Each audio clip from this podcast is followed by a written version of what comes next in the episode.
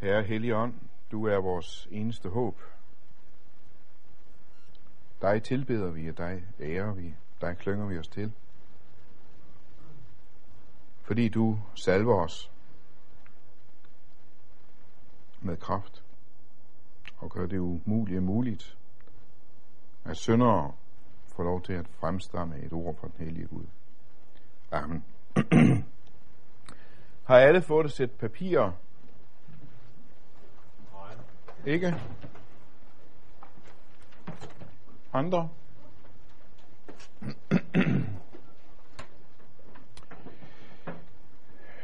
øh, Indemissionær Brian Madsen øh, fortalte mig en dag om, at øh, efter en tale, han havde holdt i et missionshus, så kom en gammel mand hen til ham og sagde, tak for prædikenen. Nå nej, det var jo ikke en prædiken, det var jo noget, man kunne forstå. Hvad begynder man egentlig sin prædiken med? Hun sidder der og stiger på sin skærm til øjnene står i vand og er lige så blank som skærmen. Han må godt have det ligesom politikeren. Som sagde, jeg har det som myggen, der fløj ind i en nudistlejr. Jeg ved ikke, hvor jeg skal begynde. Det, det er for så vidt nemt nok. Jeg skal bare begynde med noget andet. Det er faktisk et af de bedste små tips, jeg engang selv fik. Begynd et andet sted. Det er til at få svip af så ofte, vi bygger vores prædiken op, som om det var en opgave på uni. Vi begynder sandelig med en indledning. Og så kommer en gennemgang af emnet, og til sidst en konklusion. Og nu kan det godt være, at det her er bare indbildning hos mig, en fix idé, men ret ofte, når jeg hører en præst begynde sin prædiken med denne søndags tekst, og så måske der med to minutters referat af den tekst, jeg lige har læst op, så billeder jeg mig ind, at jeg simpelthen kan mærke næsten fysisk menighedens opmærksomhedsniveau tage et betragteligt dyk. Hvorfor begynder han ikke i vores liv? Det er dog der, vi befinder os mest. Altså begynd et andet sted, begynd med noget andet. Begynd for eksempel med din bedste sætning. Gud vil love for Word Perfect og Word Office. Når du er ved at være færdig, så find din bedste sætning ud, copy and paste, smæk den op foran, begynd med den. Eller så mange film efterhånden gør det, hvis I kender Tarantinos film for eksempel, så begynd midt i. Begynd midt i, bevæg dig baglæns til udgangspunktet, til teksten, og så fremad med afslutningen. Eller du kan bytte det hele rundt, hvis I har set Tarantinos Pulp Fiction, så ved I, hvad jeg mener. Og så kommer der en helt anden dynamik i prædiken. Altså, hvorfor nu det her? Er det her bare sådan en billig journalistisk fidus? Det er selvfølgelig også. Men det har til lige en helt essentiel homiletisk kerne. En prædiken er ikke en eksegetisk opgave. En prædiken er ikke først og fremmest udlægning af en tekst. Den er udlægning og applicering. I gamle dage fortælles mig, at øh, der sad øh, damer med håndarbejde, det kunne være korsstensbroderier, det, det kunne være applikation, hvor man sådan applikerede små stykker stof på sådan næsten collageagtigt. Påklistre. Det er applicering, det er påklistring af en bibelstekst på et menneskes hverdag, det er anvendelsen af en bibelstekst på tilhørens hverdag. Oversættelse til tilhørens hverdag. Og i den der øh, tale, som tilhøren der ikke altså havde oplevet som en prædiken, Brian Massens tale, der har han netop talt en del om hverdagen. Men som jeg nævnte det i går, en af de ting, jeg oftest hører som kritik af forkyndelsen, både af min egen og andres, det er, at det er ganske udmærket, det har bare meget lidt med min hverdag at gøre. Så hvorfor ikke tage udgangspunkt i den? Meget ofte kan jeg høre for eksempel, at en hårdt arbejdende prædikant gør alt, hvad han kan for at gøre budskabet nærværende og vedkommende og levende. Hvordan gør man det? Man anvender billeder, metaforer, illustrationer og lignelser. Vi er metaforernes mestre.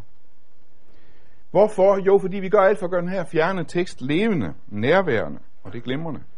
Det er bare ikke altid, det lykkes for os. Hvorfor? Fordi vi stadig overlader det til tilhørende og applicerer det på sit eget liv. Appliceringen bliver stadigvæk tilhørende sag. Vi endevender og drejer og levende gør alt, hvad vi kan. Teksten.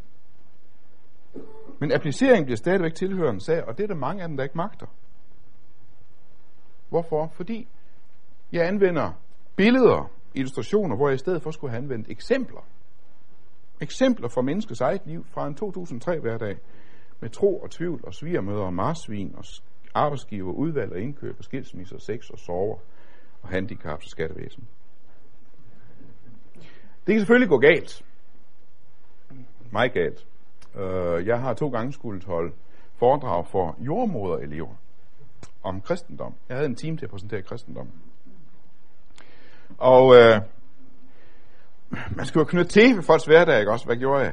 Jo, det slog mig, at man kan faktisk gennemgå hele kristendommen i hovedtræk ud fra V-metaforen alene. Alle de tekster, som taler om vejerne, Guds vejer, Guds riges vejer, Jesu Kristi vejer, og det hele, verdens vejer til sidst. Og jeg havde fundet simpelthen de der tekster frem, som talte om vejer, og det gik faktisk glimrende. De synes det var enormt spændende. Første gang, jeg prøvede det. Anden gang jeg skulle det et par år senere, så øh, øh, tog jeg samme tekster igen over for det her nye hold, og kunne godt mærke, at det glæder altså ikke ind. Hvorfor? Fordi øh, jeg havde ikke opdaget, at i mellemtiden, så var hele den der debat brudt løs om smertefri fødsel.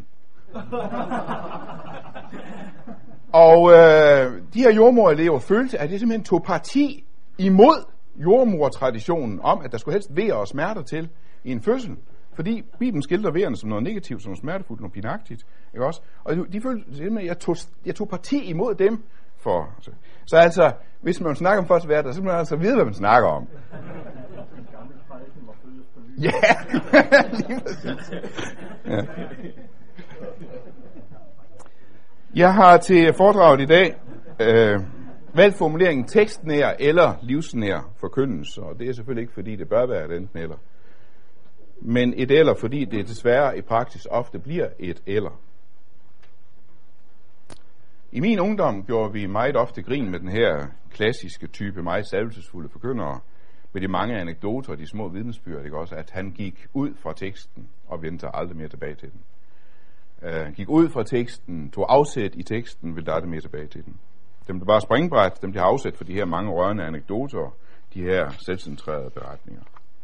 Og i dag er mange for, at vi været rundt i den modsatte grøft. Vi går aldrig ud fra teksten. Vi bliver stående i den, træder frem og tilbage i den, udlægger den, vender den, drejer den, forklarer den, og gør alt, arbejder hårdt for at gøre den levende, nærværende.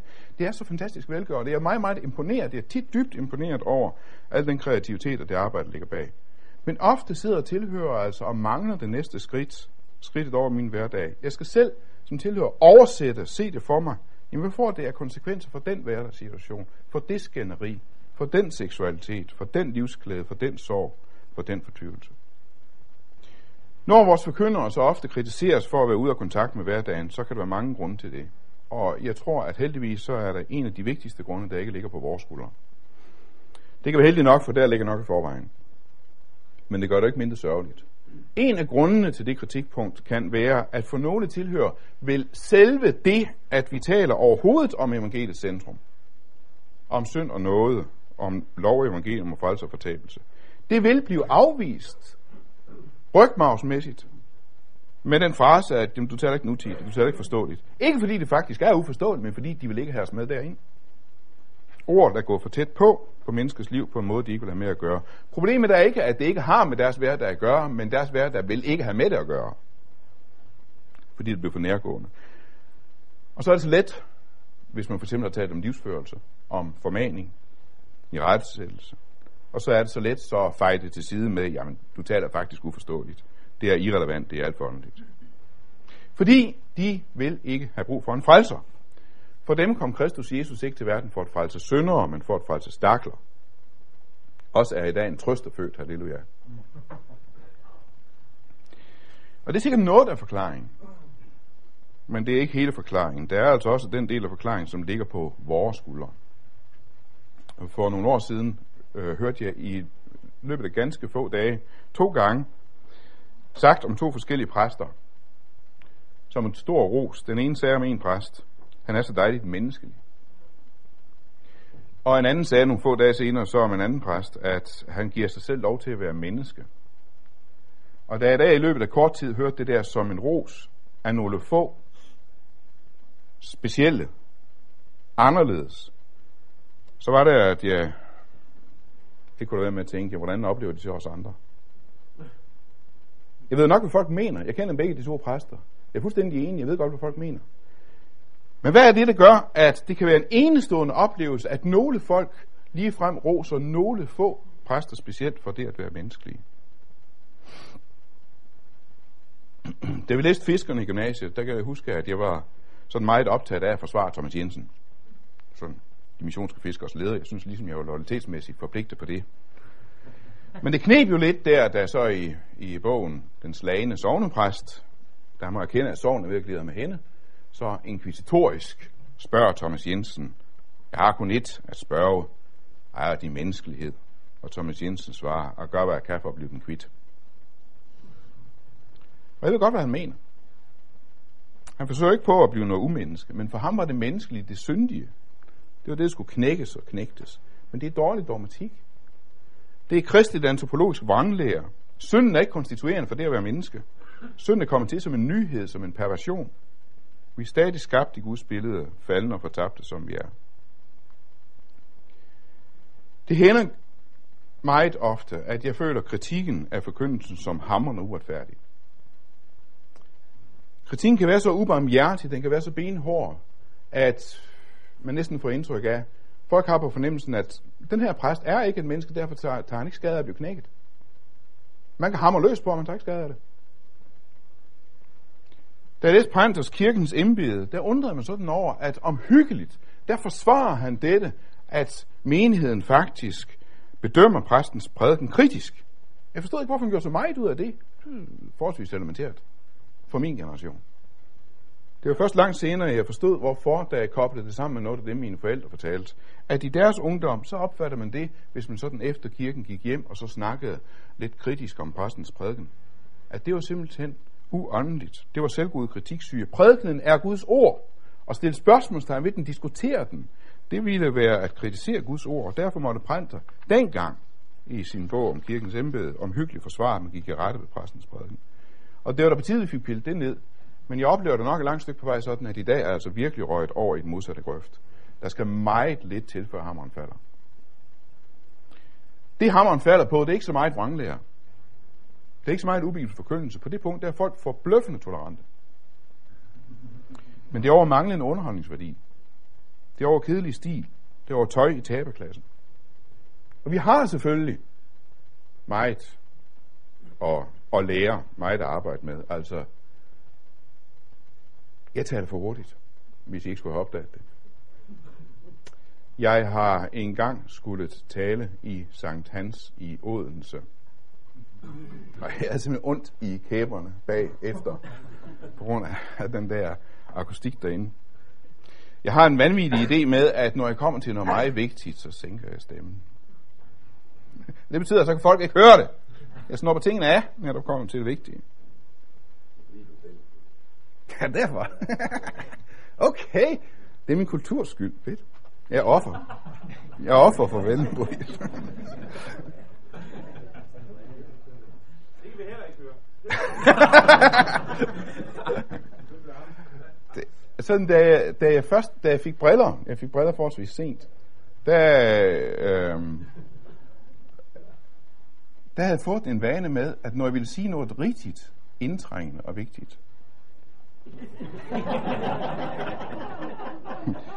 det tåbelige er bare, at jeg er nærsynet. jeg kan ikke se en pind.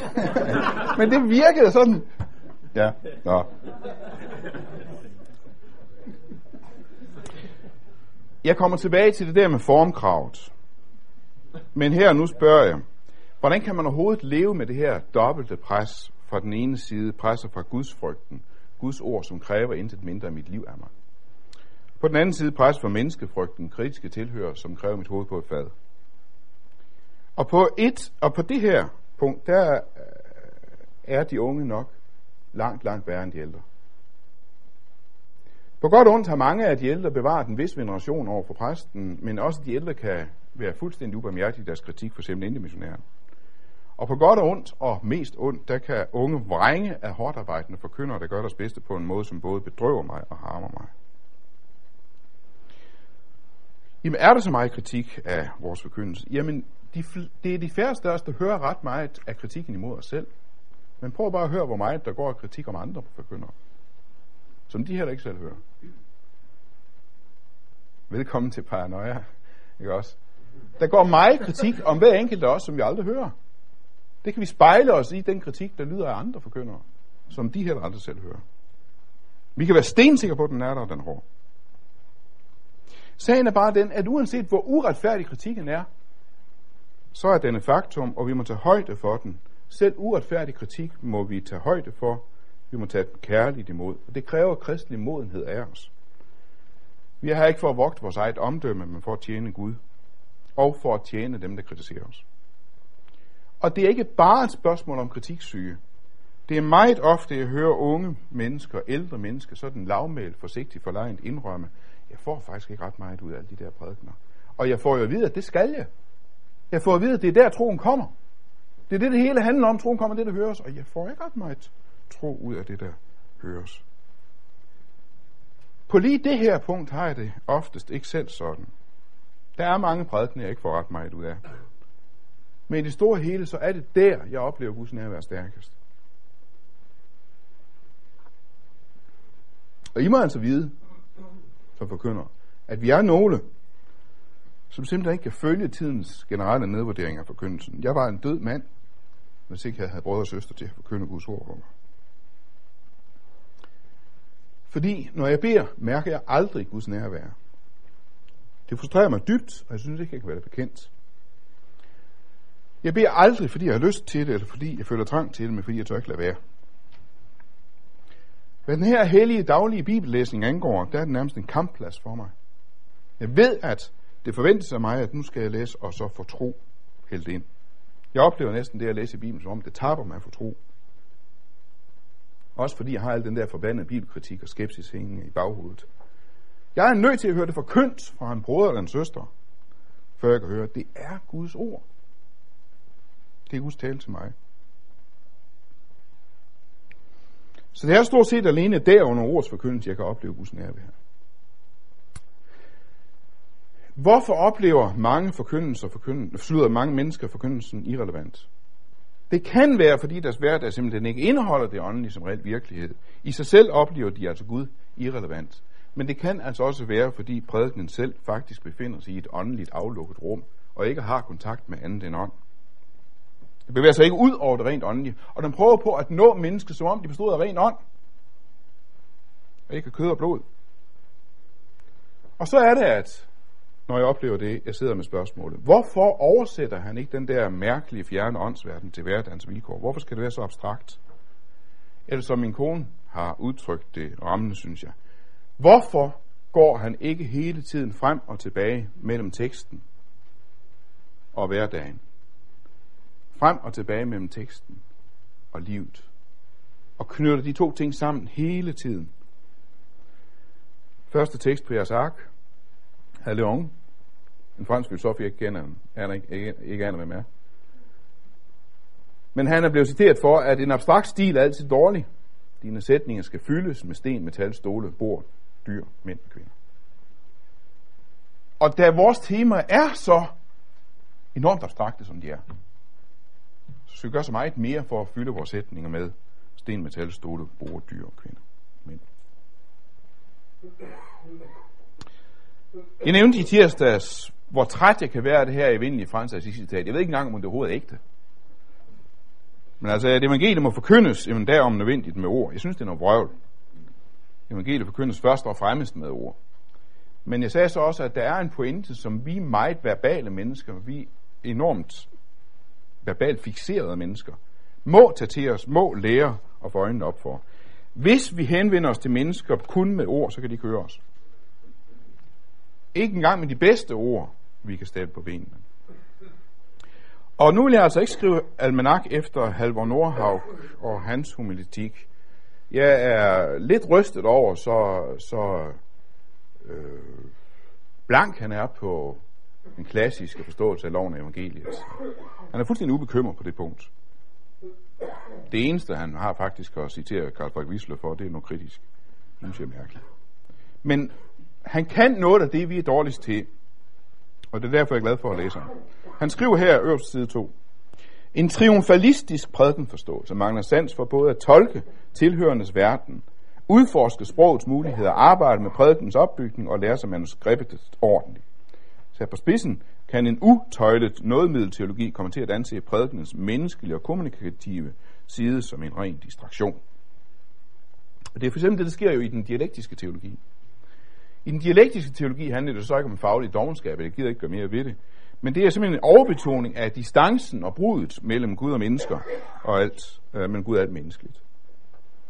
Det er derfor, at i den dialektiske teologi, så er det lovet at kætte hovedet og tænke menneskeligt, kommunikatorisk og retorisk omkring prædikenen, som Karl Barths kampfælde Edward Thurneisen, som ellers giver utrolig meget godt, død over alt menneskeligt, det er prædikenens tema. Sådan.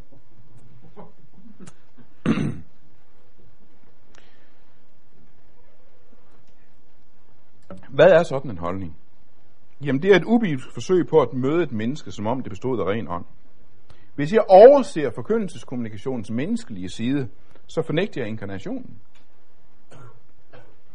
Jeg fornægter skabelsen af mennesket. Og det er derfor, Bibelen ikke kender til en rent verbal henvendelse til mennesker. Citat fra Romer 15. Følg ikke driste mig til at tale om andet end det, som Kristus har gjort gennem mig, for at føre folkeslagen til lydighed i ord og gerning. I ord og gerning. Og jeg må i dag i bagspejlet erkende, at jeg har i mange år taget ordet. Altså kære Freud, jeg har ikke engang skrevet i mange år, jeg har skrevet i mange ord. Så ordfixeret her altså at i mange år har jeg taget ordet om, at troen kommer af det, der høres. Jeg har simpelthen taget det for bogstaveligt. Som om troen kommer snak af ord alene. Troen kommer af det, der høres. Høres af hele mennesket. Høres af hele mennesket. Ikke bare af ørerne. Troen kommer ikke af snak alene. Hjem, I forstår sikkert, hvorfor jeg har aldrig været særlig glad for det der ord. Det næste citat, 1. Korinther 4. Det har ligefrem ikke været det af mine yndlingsord at Guds rige afhænger ikke af ord, men af kraft. Bibelen kender ikke til nogen ren ordforkyndelse. Og jeg forstår det bedre efterhånden. Fordi jeg jo også må erkende, at selv som ordmenneske, så havde jeg ikke kunnet leve i en vis tillid, for eksempel til, at Gud er kærlighed, hvis jeg bare havde haft ord for det. Hvis han bare havde mødt mig med snak og forsikringer og eder på, at jamen, jeg er virkelig kærlig, jeg mener jeg det godt, og det, der har gjort det til vis tillid for mig, det er, at han har mødt mig med sin kærlighed gående på to ben. Som en mand, ikke bare i ord, men i gerning. At ord blev kød. Guds kærlighed, at den kommer gående i møde, som jublende og grædende og sultende og spisende og døende og opstående. Vi skal have et eksempel på en bibelsk, meget lidt ordagtig forkyndelse, Ezekiel 4, side 1 her. Du menneske, i Ezekiel, tag en teglsten, læg den foran dig, tegn en by på den, Jerusalem. Sæt den under belejring, byg angrebsramper op imod den, kast en vold op omkring den, opstil herre mod den. Han har simpelthen siddet der og med Lego-klodser. Bring murbrækker i stilling omkring den. Tag sådan en jernplade, stil den som en jernmur, der er byen. Vend dit ansigt mod byen, den skal være under belejring. Du skal belejre den. Det der er tegn for Israels hus. Okay, han havde jo ikke sådan projektorer overhead, så det er udmærket også. Men Prøv at se, prøv at se, hvad sker. Læg dig på din venstre side. Tag Israels skyld på dig. Det antal dage, du ligger på den side, skal du bære deres skyld. Lige så mange år, som de har syndet, lige så mange dage, 390 dage, pålægger jeg dig at bære Israels skyld. Når de dage er gået, skal du dernæst lægge dig på din højre side og bære Judas skyld i 40 dage. En dag for hvert år pålægger jeg dig. Du skal vende dit ansigt mod det belejrede Jerusalem. Dit arm skal være blot, og du skal profetere mod byen. Jeg lægger dig i reb, så du ikke kan vende dig fra den ene side til den anden, før belejringens dage er til ende. Det er handlingsforkyndelse, der virkelig vil noget. Og jeg erfarer mere og mere, hvordan vi kan godt nå nogle mennesker gennem ord næsten alene. Men andre kan faktisk ikke høre vores ord, hvis ikke ordene ledsages gennem handling. Og hvis det er rigtigt, at mere i dag end nogensinde før, så er vores medmennesker mere optaget af følelser end af ord. Så lad os dog møde dem der. Ikke i sentimentale stemninger, ikke i manipulation, men i kærlighed, i omsorg, i ægte interesse. Jeg havde øh, sidste år en meget sær og meget stærk oplevelse. Jeg var inde og se øh, øh, Rude Langgårds øh, Antikrist kirkeopera, eller hvad den skal kaldes, oratorium. Hvor den med 80, 80 års forsinkelse endelig er blevet taget til noget af det kongelige teater. Og der står faktisk på det kongelige teaters hjemmeside, vi tog fejl, da vi ikke accepterede Rude Langgaard. Jeg er ret overbevist om, at det tog så lang tid. Øh, ikke så meget fordi den er sær, så det gør noget. Det øh, er den. Ikke så meget fordi den er ude af trit med tiden dengang, men fordi den er så apokalyptisk, den er så truende, den er så dramatisk, som den er. Den har ingen handling. Den har ingen personer. Alle skikkelser i den er allegoriske. Der er for eksempel skikkelser som dyrt i skarlagen, den store skøge og løgnen. Alle sammen skikkelser fra tæt åbenbaringsbogen. En af de allegoriske skikkelser, det er munden, der talte store ord. Og det er taget fra åbenbaringsbogen. At dyret fik givet en mund, der talte store bespottelige ord, og det fik givet magt til at gøre det i 42 måneder. Det åbnede munden til bespottelse med ord. Da jeg hørte det der, der slog det mig, hvor meget Bibelen raser imod de store ord. Prøv at se øverst side 2. Eller hele side 2. I dagens teksten om menneskesønnen, men så så nøje på hornene, voksede der endnu et horn, et lille et frem mellem de andre, tre af de andre horn blev revet af, så det kunne få plads. Se, dette horn havde øjne som et menneske, og en mund, der talte store ord. Der så jeg dette. Troner blev stillet frem. Og en gammel af dage tog sæde. Hans klæder var hvide som sne, og håret på hans hoved var rent som uld. Hans trone var flammer af ild, dens, tro, dens hjul var lune ild. Derfor så jeg dette. Jeg så, at dyret blev dræbt på grund af de store ord, som hornet talte. Det horn, der havde øjne og en mund, der talte store ord, og så videre. Og det er altså så det horn, der fører krig mod de hellige. I netop den der centrale tekst, der er det ikke den gamle dage, der taler store ord. Det er ikke menneskesøn, der taler store ord. Jeg er ikke helt sikker vel, men jeg har ikke kunnet finde steder i Bibelen, hvor mennesker prises for at tale store ord.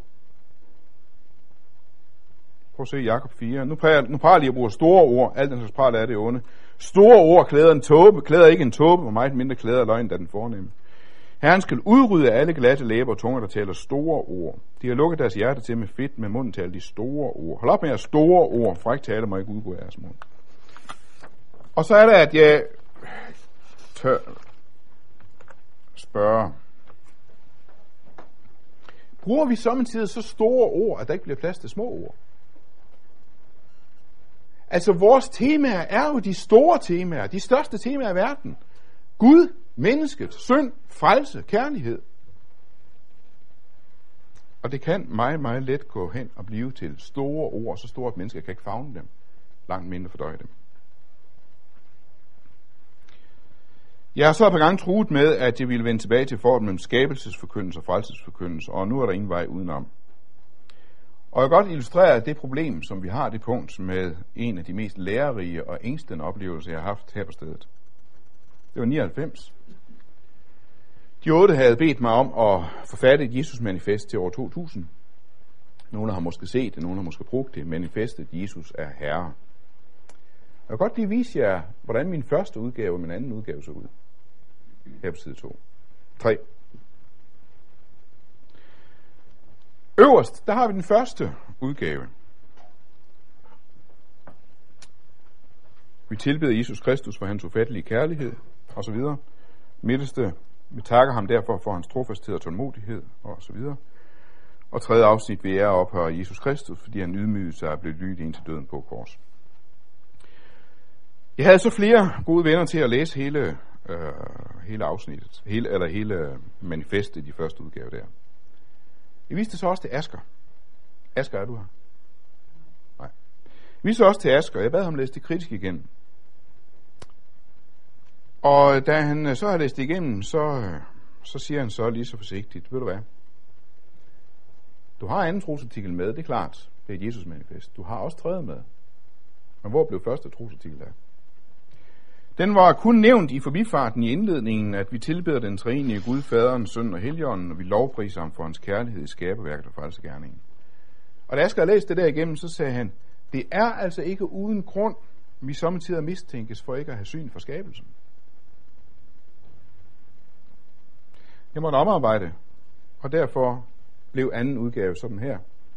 Midt i, vi bekender derfor vores tro på faderen, som himlens og jordens skaber, der ved sit ord skabte verden af intet, og nu følger sine børn tæt med sin omsorg.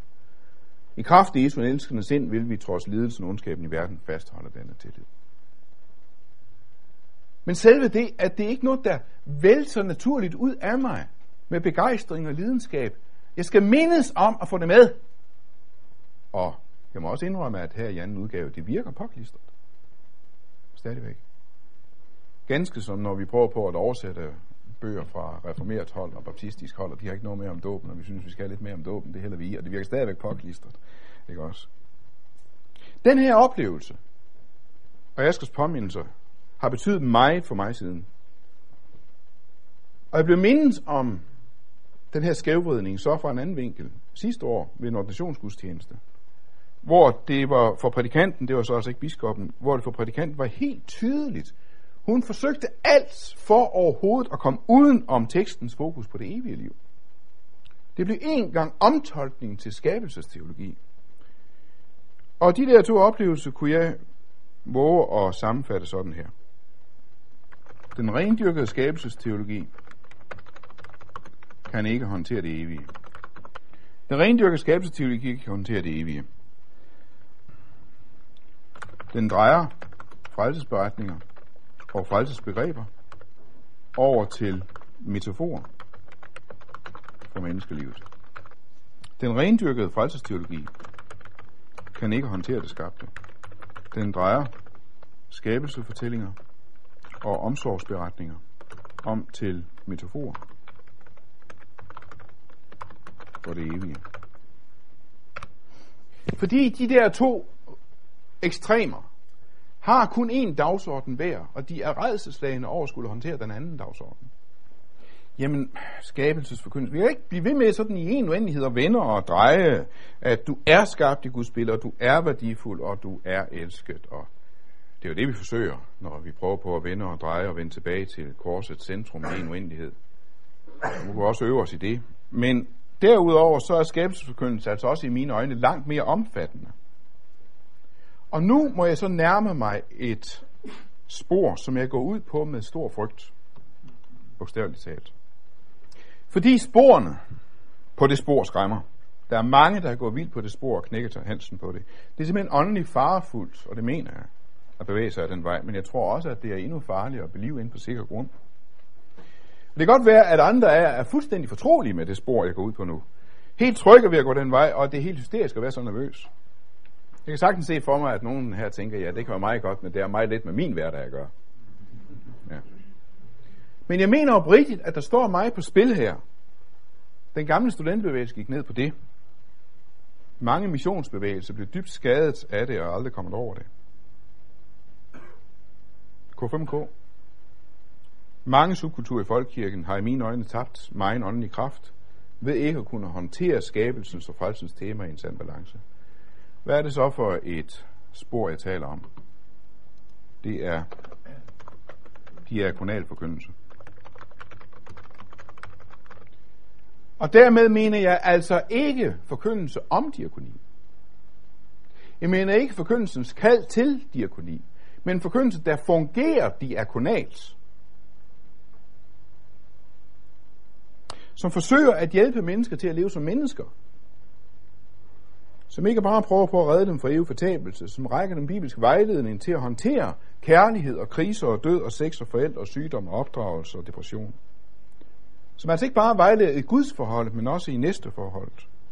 Og jeg er selvfølgelig fuldt ud fortrolig med den formaning, som hænger over hovedet på mig som forkynder, og den advarsel, at jeg skal ikke til at lege terapeut og pædagog og krisepsykolog osv. Vi skal holde os til det, vi kan. Det vi kan, det er at række mennesker ord fra den himmelske verden. Og det er også pinligt, når teologer prøver på at fuske, som alt muligt andet end teologer. Det er i Egoland Divus Massen, som altså i den her tegneserie Gud, skal giftes. Og så tilspørger jeg dig, Divus Theolus Sibaut Abdullah von Massen, vil du godt have Cassandra Caligaria Hansen her til din kone og prøve at få et parforhold op at stå og komme hinanden ved og rent samlivsmæssigt set pejle ind på situationerne hen ad vejen, uden aktuelt at fejre konflikterne ind under gulvtæppet, men ligesom acceptere sin egen vrede over hendes præmenstruelle udsving og være åben omkring. Og så, Sandra, hvor kommer den mand fra? Det er en overlæge, har skaffet. Han var kendt syg, før han blev præst. Den slags burde forbydes. Ja. Når vi prøver på at fuske. Og så videre. Men har vi rent faktisk ikke som kristne noget at sige til de emner? Har vi ikke et bibelsk budskab at komme med til alle de emner? Det har vi jo faktisk. Martin Lloyd Jones, og nu kan jeg godt mærke, at nu citerer jeg Martin Lloyd Jones kritisk for tredje gang, og det hammer nu færdigt. Jeg er så glad for ham. Men rent tilfældigt, så er de tre citater, jeg kommer med fra ham, de er altså kritiske. Han vendte sig med rette imod topical preaching, som man kalder det, hvor jeg tager aktuelle emner op, psykologisk hjælp op osv. Altså man siger, det er ikke det, vi kan, det er ikke det, vi har at give. Alt det der, det giver verden bedre end vi. Vi skal holde os til det, der er vores speciale, vi skal holde os til det evige, til det åndelige. Men så illustrerer han det med, og det har jeg godt nok ikke fået med, den tekst fra Apostlenes Gerninger 3.6. Han illustrerer det så med Peters ord til den lamme. Sølv eller guld har jeg ikke, men jeg giver dig, hvad jeg har. I Jesu Kristi Nazareans navn står op og gå. Pointen er, at jeg skal give, hvad jeg har. Jeg har ikke alt det andet der. Jamen, pointen er udmærket, men har jeg ikke alt det andet også i et vist mål? Har jeg virkelig ikke omsorg og hjælp til at leve som menneske? At give til mennesker. Skal jeg så stå der og sige, jamen det har jeg ikke til dig? Hvis jeg rent faktisk har det.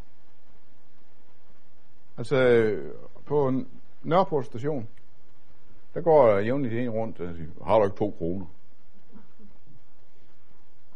Og så kan jeg jo sige, øh, jo, men du får dem ikke. Jeg kan også give ham dem, og det gør jeg helst. Hvad jeg ikke kan, det er at sige, nej, jeg har ikke to kroner, hvis jeg rent faktisk har dem. Kan jeg sige til mennesker, jamen jeg har ikke noget at give dig? Fordi jeg vil gerne koncentrere mig om det, om det vigtigste, det centrale, det primære. Hvis jeg rent faktisk har noget at give dem på det punkt. Og dertil kommer, hvad er det egentlig for et skriftanvendelse? Hvad er det rent faktisk, Peter giver den lamme? Er det ordet, det åndelige, det vigtigste af alt? Nej, det er noget sekundært. Det er det rent fysiske. Han helbreder ham. Han giver dem helbredelsens omsorg. Så Martin Jones henviser altså til en tekst, der handler om diakonal omsorg for den nødlidende næste, som skriftbevis for, at vi skal holde os til ordet alene.